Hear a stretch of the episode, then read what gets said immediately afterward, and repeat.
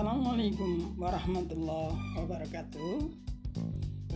Mahasiswa ibu di mana pun saudara berada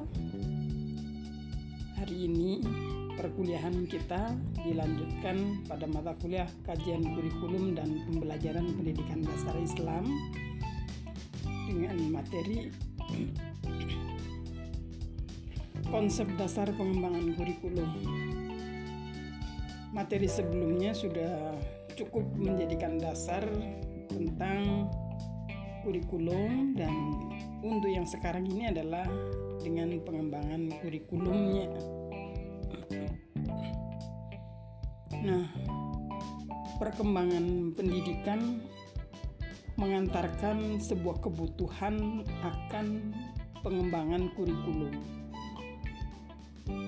Maka kebutuhan-kebutuhan yang diinginkan oleh lembaga pendidikan sesuai dengan situasi kondisi dengan dinamika kehidupan masyarakat menuntut kita untuk selalu mengkaji tentang konsep kurikulum, pelaksanaan kurikulum, dan evaluasi kurikulum dalam pelaksanaan pada kurun waktu tertentu maka dari konsep dasar pengembangan kurikulum ini perlu dipertanyakan mengapa atau untuk apa kurikulum ini perlu dikembangkan? Apa yang menjadi dasar landasan pengembangannya? Dan bagaimana cara pengembangannya? Beberapa pertanyaan ini yang cukup untuk mengulik kita sehingga kita pada akhirnya menyimpulkan bahwa pengembangan kurikulum menjadi sesuatu yang niscaya untuk tercapainya satu tujuan pembelajaran pendidikan. Kita mengenal banyak tahapan-tahapan yang menandai pada sebuah sejarah perkembangan kurikulum di Indonesia di mana di awal tahun 1945 47 sebagai bagian dari pelaksanaan pembelajaran di tahun 1945 di analisis adanya rencana pembelajaran kita mengenal di tahun itu otomatis nuansa kolonial masih sangat kental orientasi pembelajaran juga tidak melulu bersumber pada historis kondisi masyarakat Indonesia saat itu. Sehingga rencana pembelajaran itu perlu untuk dilakukan rincian rencana pembelajaran yang terurai yang mengarahkan kepada sebuah kemampuan kondisi yang dimiliki oleh warga negara Indonesia sebagai pelaksana pendidikan saat itu dengan situasi pasca kemerdekaan. Dan di tahun 1964 bergerak kembali rencana pendidikan sekolah dasar. Jadi pada kesejarahannya dulu karena memang pendidikan pada masa itu adalah orientasinya tidak semata-mata sebagai sebuah konseptor, tetapi saat itu pendidikan yang dilangsungkan adalah dalam rangka peserta didik ini memiliki keterampilan jadi bukan berorientasi pada profesionalisme kalau dengan peristilahan yang sekarang. Tetapi istilahnya adalah keterampilan yang memadai. Jadi pada saat itu bukan untuk menciptakan sebagai seorang pemikir tetapi menciptakan seorang pekerja. Tentu pekerja yang dimaksudkan di sini berarti dengan keterampilan. Maka persiapan-persiapan pendidikan untuk sekolah dasar juga dibekalkan dengan keterampilan-keterampilan tertentu. Pelaksanaan di tahun 1964 terus dianalisis dan muncul perkembangan berikutnya adalah di tahun 1968 untuk kurikulum sekolah dasar. Sekolah di tahun 1968 cukup meninggalkan uh, sejarah yang cukup panjang pasca kemerdekaan sehingga analisis-analisis untuk pelaksanaan pembelajaran di sekolah dasar sudah mulai uh, bergeser dari orientasi keterampilan menuju kepada orientasi-orientasi yang dibutuhkan oleh masyarakat pada saat itu. Dan di tahun 1973 muncul kurikulum proyek perintis sekolah pembangunan. Karena ini sudah mulai peletakan batu pertama untuk pembangunan-pembangunan fisik yang sudah mulai dikencarkan untuk pembangunan yang merata secara nasional. Sehingga sekolah-sekolah proyek dengan perintis-perintis sekolah pembangunan sudah mulai di dikembangkan. Dan pada tahun 1975 muncul kembali di kurikulum sekolah dasar yang di dalamnya berorientasikan kepada kemajuan-kemajuan yang mendasar yang berkaitan dengan substansi pendidikan yakni untuk pembentukan karakter bangsa. Kita mengenal lagi sejarah di tahun 1984 kurikulum muncul perubahan-perubahan lagi. Ya, tentu perubahan-perubahan ini dalam rangka untuk semakin menyempurnakan apa yang sudah dimiliki. Demikian juga untuk kurikulum di 1994, 97, 2004 dengan peristilahan rintisan kurikulum berbasis kompetensi dengan KBK-nya dan di tahun 2006 dalam waktu yang sangat pendek antara 2006, 2004 sampai 2006 muncul kurikulum tingkat satuan pendidikan dan di tahun 2013 muncul lagi kurikulum 2013 yang kemudian disebarluaskan secara periodik, terstruktur dan masif uh, sampai pelaksanaan di tahun ini pula. Perjalanan panjang dengan perkembangan-perkembangan kurikulum tersebut kita diarahkan kepada orientasi tentang definisi kurikulum.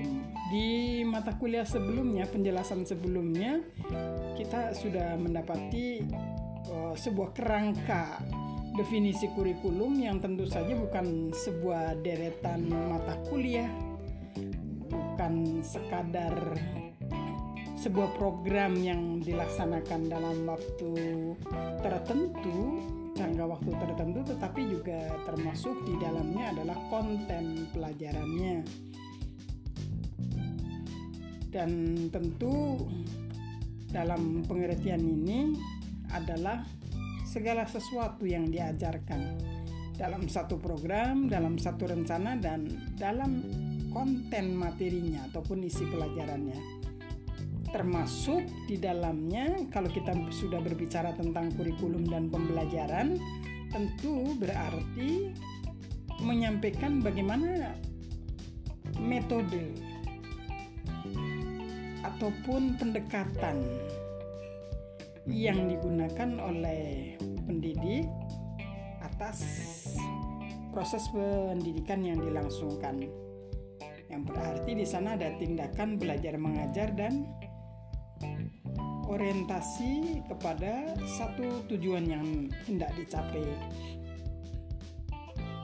Maka berdasarkan hal itu apakah kurikulum menjadi sebuah policy, sebuah kebijakan atau sebuah pedoman atau sebuah metode atau sebuah model pembelajaran atau hanya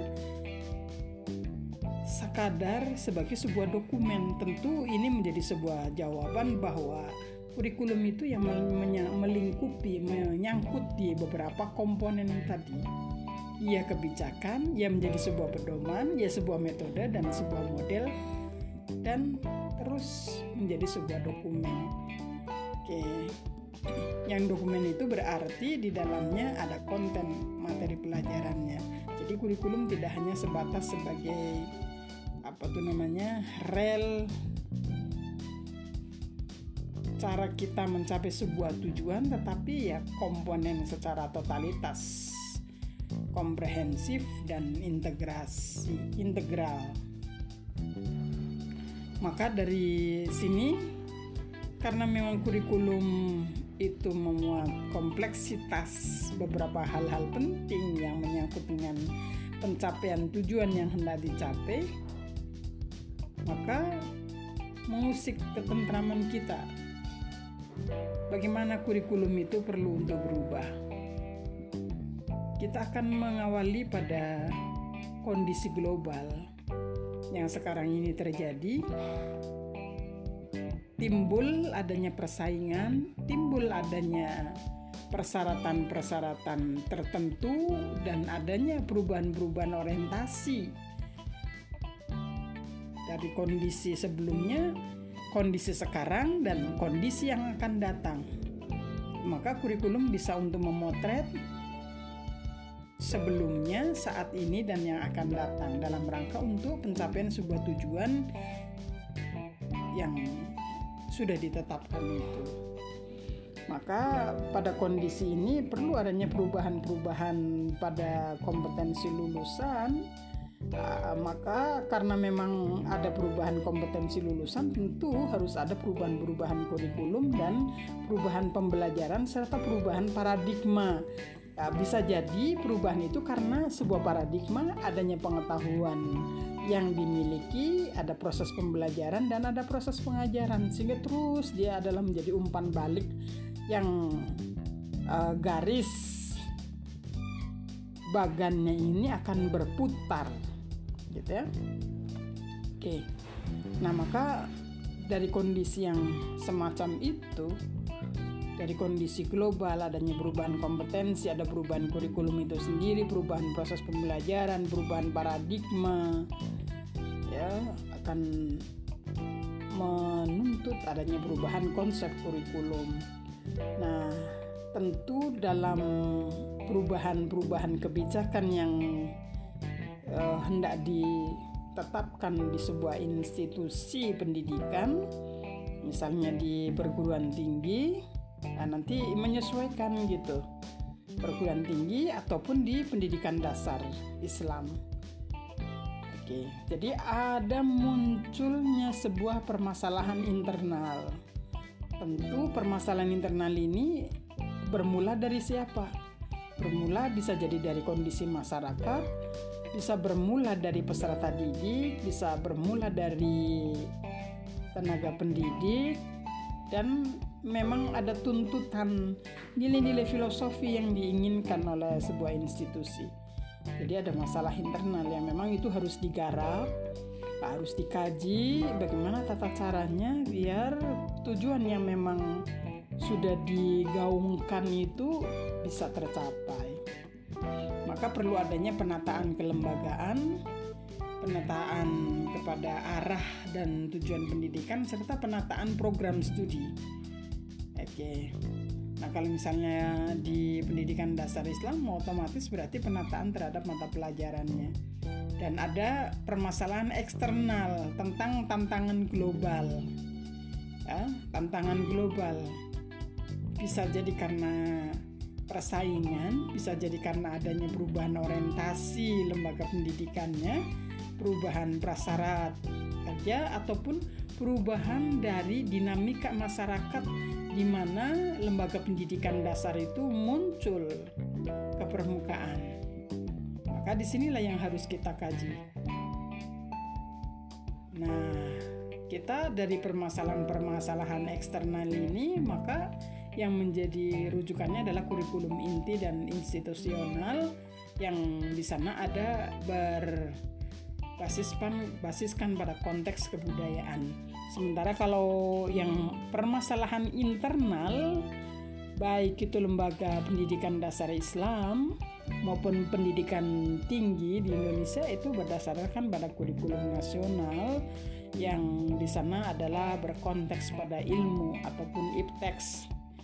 Oke, kalau dalam perguruan tinggi berarti ada MKDU, MKDK, MKK gitu. Kalau misalnya dalam konteks pendidikan dasar tentu saja dengan nama mata pelajaran yang terintegrasi dengan eh, kajian-kajian uh, yang memiliki kesearahan sebagaimana di kurikulum 2013. Nah, dalam kurikulum inti ataupun substansi dan institusional maka ada konteks kebudayaan yang berarti ada fenomena antropos, ada fenomena teknik, ada fenomena oikos dan etnos. Nah, apa saja yang dimaksud itu? Kita akan melihat bahwa fenomena antropos itu dicakup dalam pengembangan manusia yang beriman. Jadi antropologi, ilmu tentang perilaku hidup ya. Antropologi. Ya.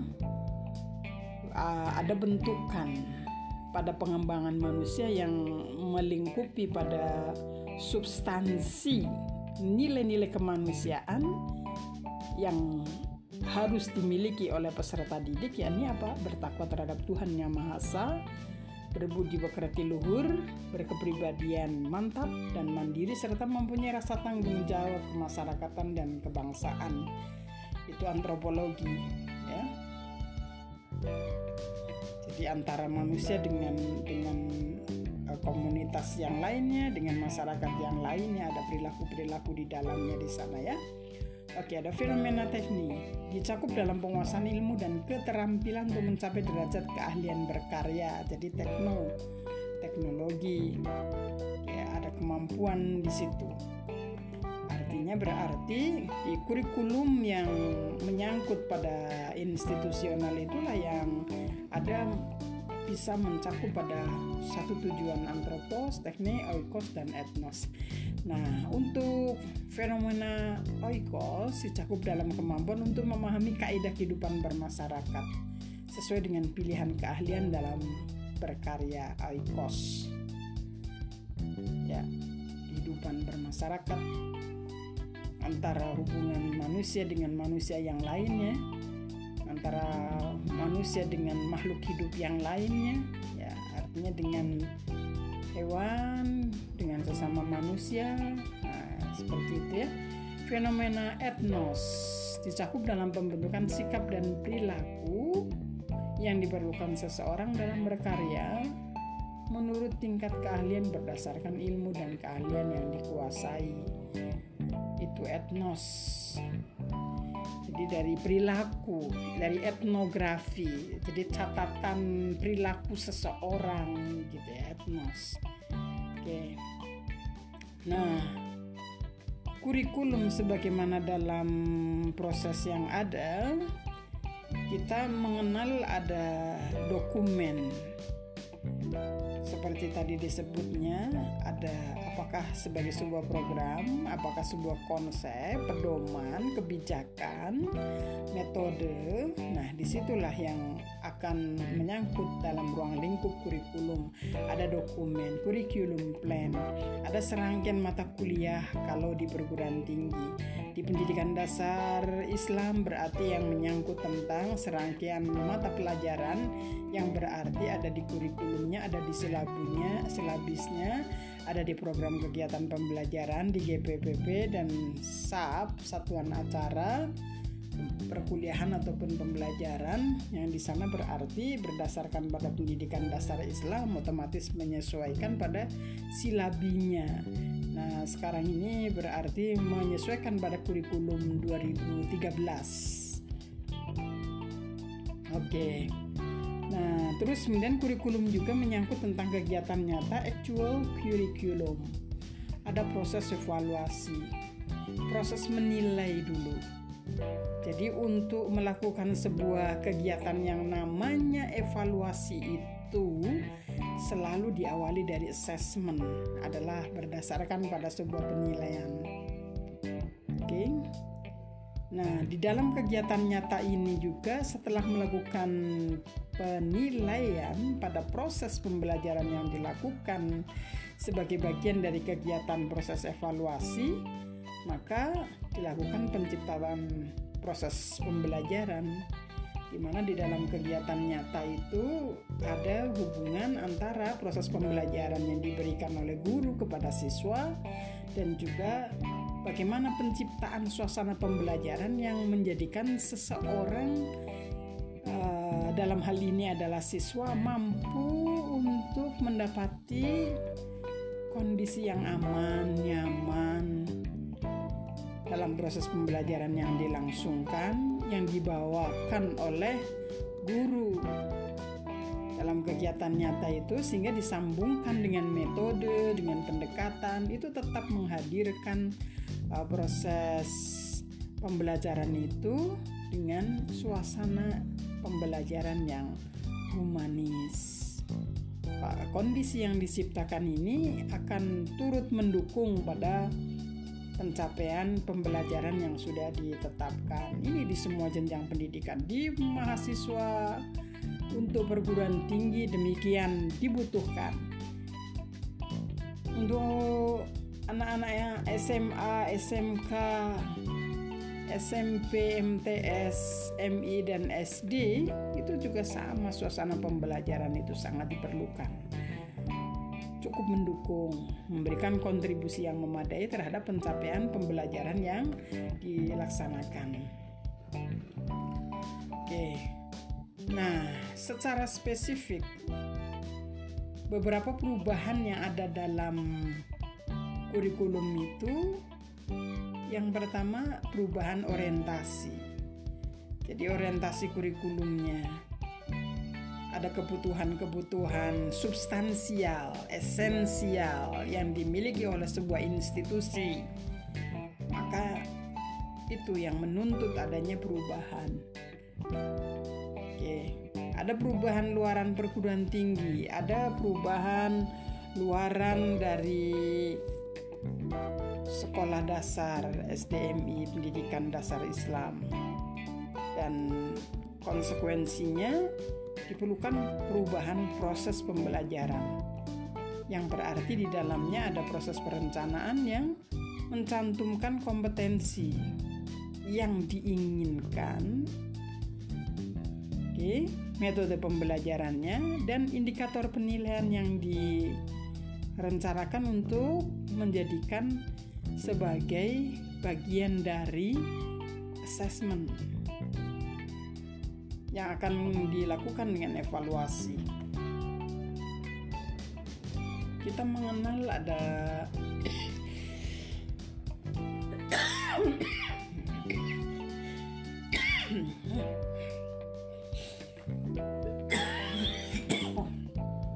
kurikulum baru yang bisa diawali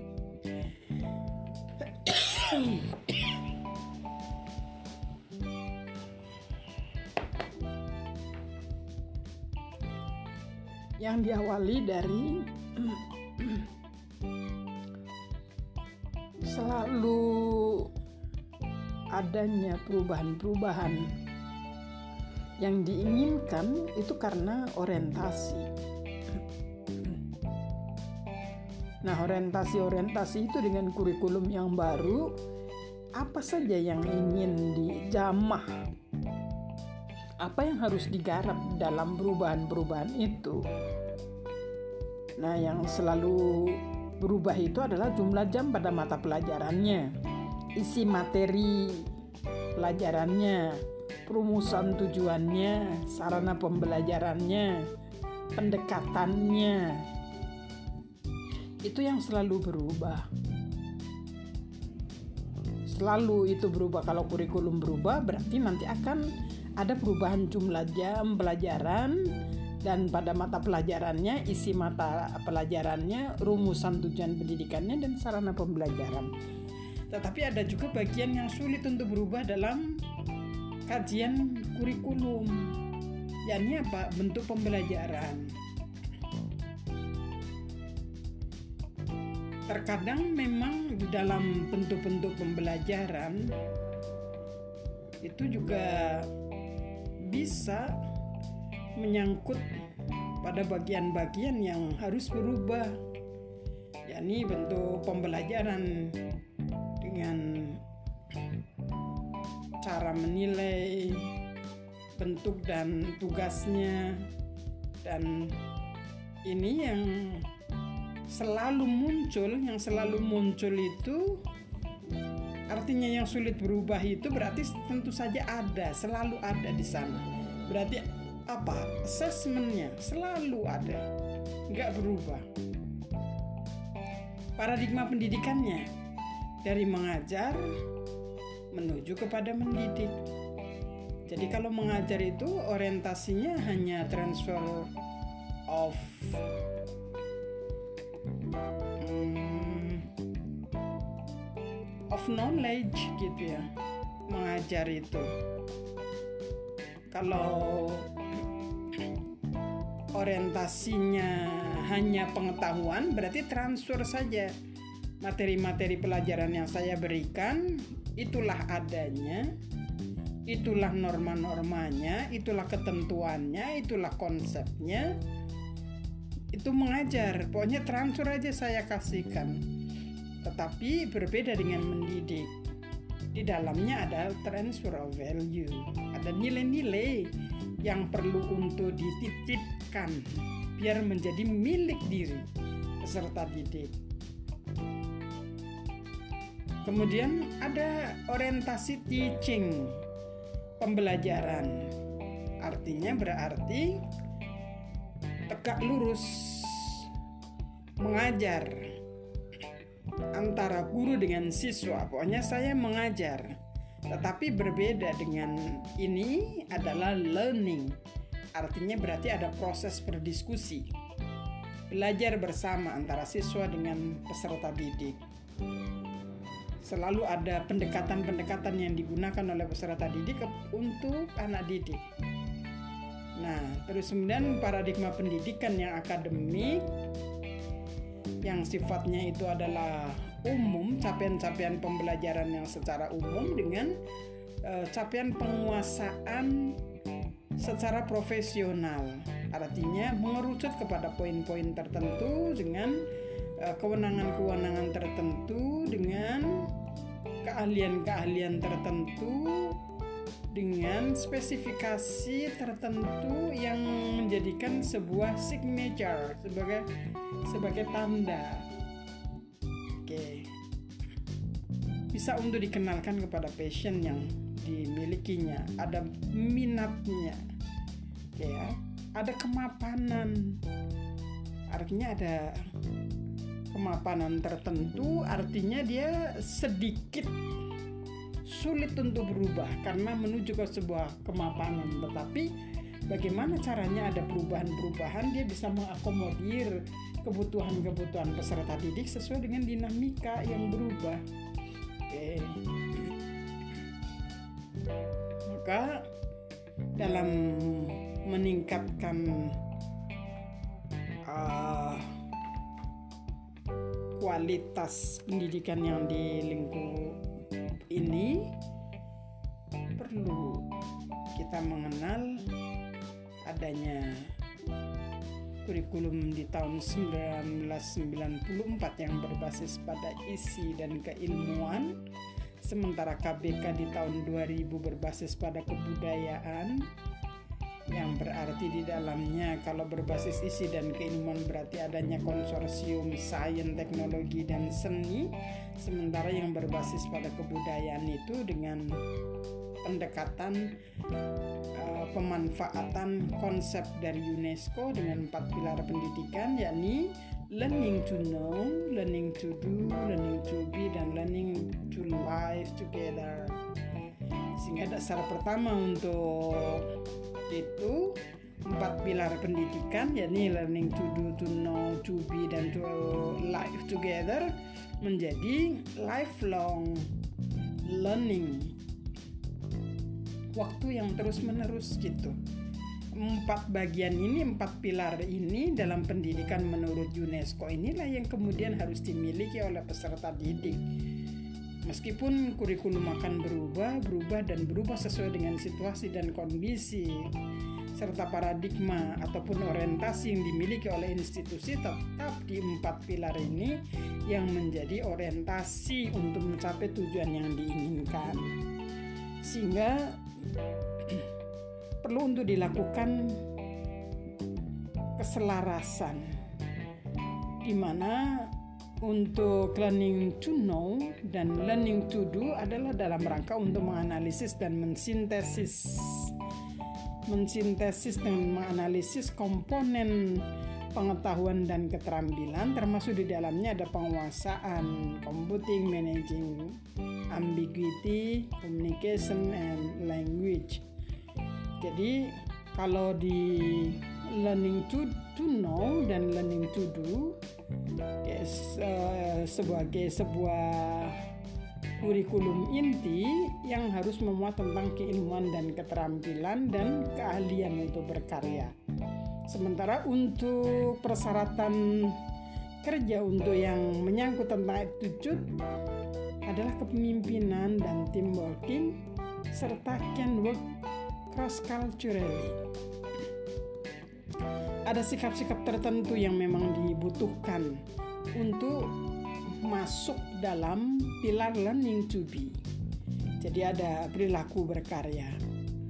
Dan untuk learning to live together adalah dengan uh, pengenalan sifat yang berkaitan dengan kemampuan yang diinginkan yakni terlatih dalam etika kerja, memahami makna globalisasi dan fleksibel terhadap pemilihan pekerjaan. Yang ini bersama-sama untuk hidup di masyarakat.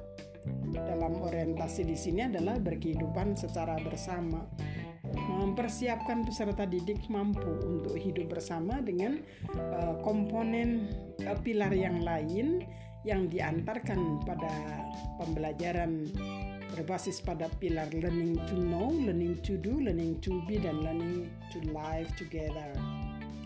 Nah, maka di penyusunan kurikulum ini sebagai sebuah antisipasi pada perubahan pasar global perlu untuk dicermati pada undang-undang RI nomor 20 tahun 2003 tentang sistem pendidikan nasional bahwa ada standar pendidikan yang terdiri atas standar isi, standar proses dan kompetensi kompetensi lulusan serta tenaga kependidikan dan sarana prasarana pengelolaan pembiayaan dan penilaian pendidikan yang harus ditingkatkan secara berencana dan berkala di pasal 35 itu di ayat 1 dan di ayat 2 menyebutkannya pada standar nasional pendidikan digunakan sebagai acuan pengembangan kurikulum. Sehingga jelas pada standar isi ini mencakup ruang lingkup materi pada tingkat kompetensi yang ada yang menyangkut tentang kompetensi tamatan, tentang bahan kajian, mata pelajaran, dan silabus yang harus dipenuhi oleh peserta didik pada jenjang dan satuan pendidikan tertentu. Nah, bagaimana dengan kompetensi lulusan sebagai sebuah kualifikasi kemampuan lulusan yang mencakup uh, ranah ataupun domain yang distandarkan baik itu sikap pengetahuan keterampilan ketiga ini menjadi standar yang harus disepakati. Nah, oleh karena itu, kita harus mengetahui tentang arah kurikulum masa depan yang berarti mampu untuk membaca ya. Membaca uh, fenomena di masa yang akan datang, kemungkinan yang terjadi seperti apa. Dan dari situ kita bisa untuk melihat masa depan apa yang diinginkan untuk terjadi bagi peserta didiknya.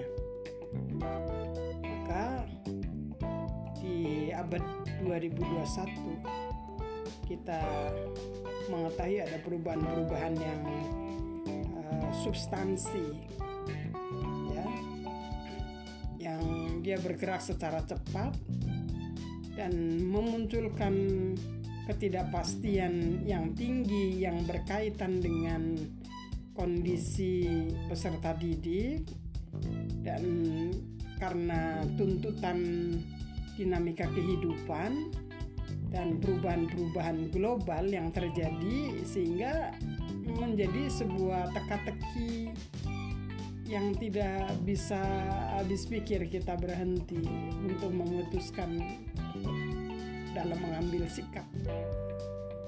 Karena hal ini berjalan seiring gitu perubahan-perubahan global dan perubahan-perubahan yang diinginkan oleh masyarakat atas perubahan global itu sehingga yang harus dirumuskan di bagian yang apa itu yang kemudian bisa menjadikan sebagai dasar untuk penetapan. Jadi kehidupan masyarakat yang dinamis itu menjadi bagian yang bisa dipotret di dalam melakukan pengenalan terhadap arah kurikulum yang sekarang ini dan yang akan datang. Nah, kita tidak bisa Eh, meninggalkan uh, beberapa prosedur sehingga kita berusaha bagaimana caranya biar kita ini tetap uh, mampu membaca keterampilan dan perubahan-perubahan di masa yang akan datang dengan tidak cukup untuk mengandalkan otak tetapi juga mampu untuk mencari, memilah dan mengolah informasi untuk mencapai tujuan tertentu. Jadi eh, keterandalan otak untuk bisa mampu mengasah eh, dalam hal kebutuhan-kebutuhan konkret yang dimiliki oleh peserta didik dan kehidupan-kehidupan yang eh, menjadi bekal bagi peserta didik itulah yang kemudian perlu untuk diolah. Sehingga dengan kemampuan-kemampuan yang ada dengan perubahan-perubahan global itu mampu membekalkan peserta didik sesuai dengan kebutuhan di masanya. Gitu ya. Tetapi tetap tidak meninggalkan bagaimana nilai-nilai moral sendi sebagai sebuah sendi-sendi kehidupan yang bisa untuk menjadikan uh, karakter mendasar yang akan di lekatkan pada peserta didik. Oke, termasuk di dalamnya dengan dinamika global serta perlu untuk dibekalkan dengan kecerdasan emosi. Karena kalau misalnya cukup dengan mengandalkan otak belaka, maka akan menjadi sebuah penciptaan kondisi yang kurang sempurna karena dia tidak memiliki manajemen emosi yang ini diperlukan dalam proses pembelajaran ya. Dan dengan perkembangan revolusi industri. 4.0 yang dia ini memiliki ciri khas pada teknologi informasi dan komunikasi. Dia sangat mahir pada dataran dunia maya virtual gitu digital. Oke. okay.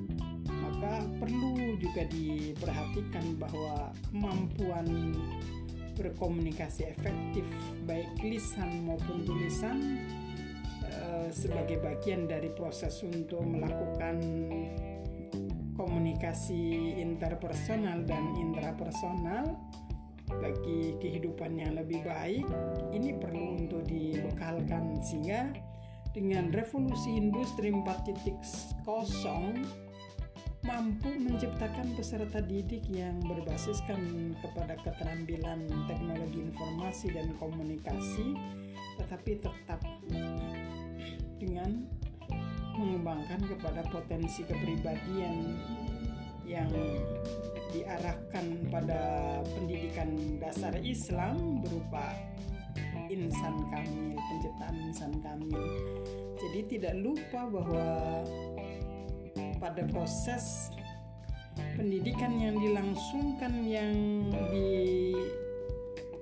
diberikan dalam orientasi perubahan-perubahan global yang mengarah kepada pemanfaatan teknologi informasi dan komunikasi tetap ada di bawah naungan kompetensi kepribadian yang bisa untuk membangun karakter khas yang dimiliki pada pendidikan dasar Islam. Oke, saya kira itu dulu yang bisa saya sampaikan. Terima kasih atas perhatiannya. Mudah-mudahan cukup memberikan nilai kemanfaatan atas mata pelajaran pada pengembangan analisis kurikulum pada pembelajaran pendidikan dasar Islam. Oke, cukup sekian dan assalamualaikum warahmatullahi wabarakatuh.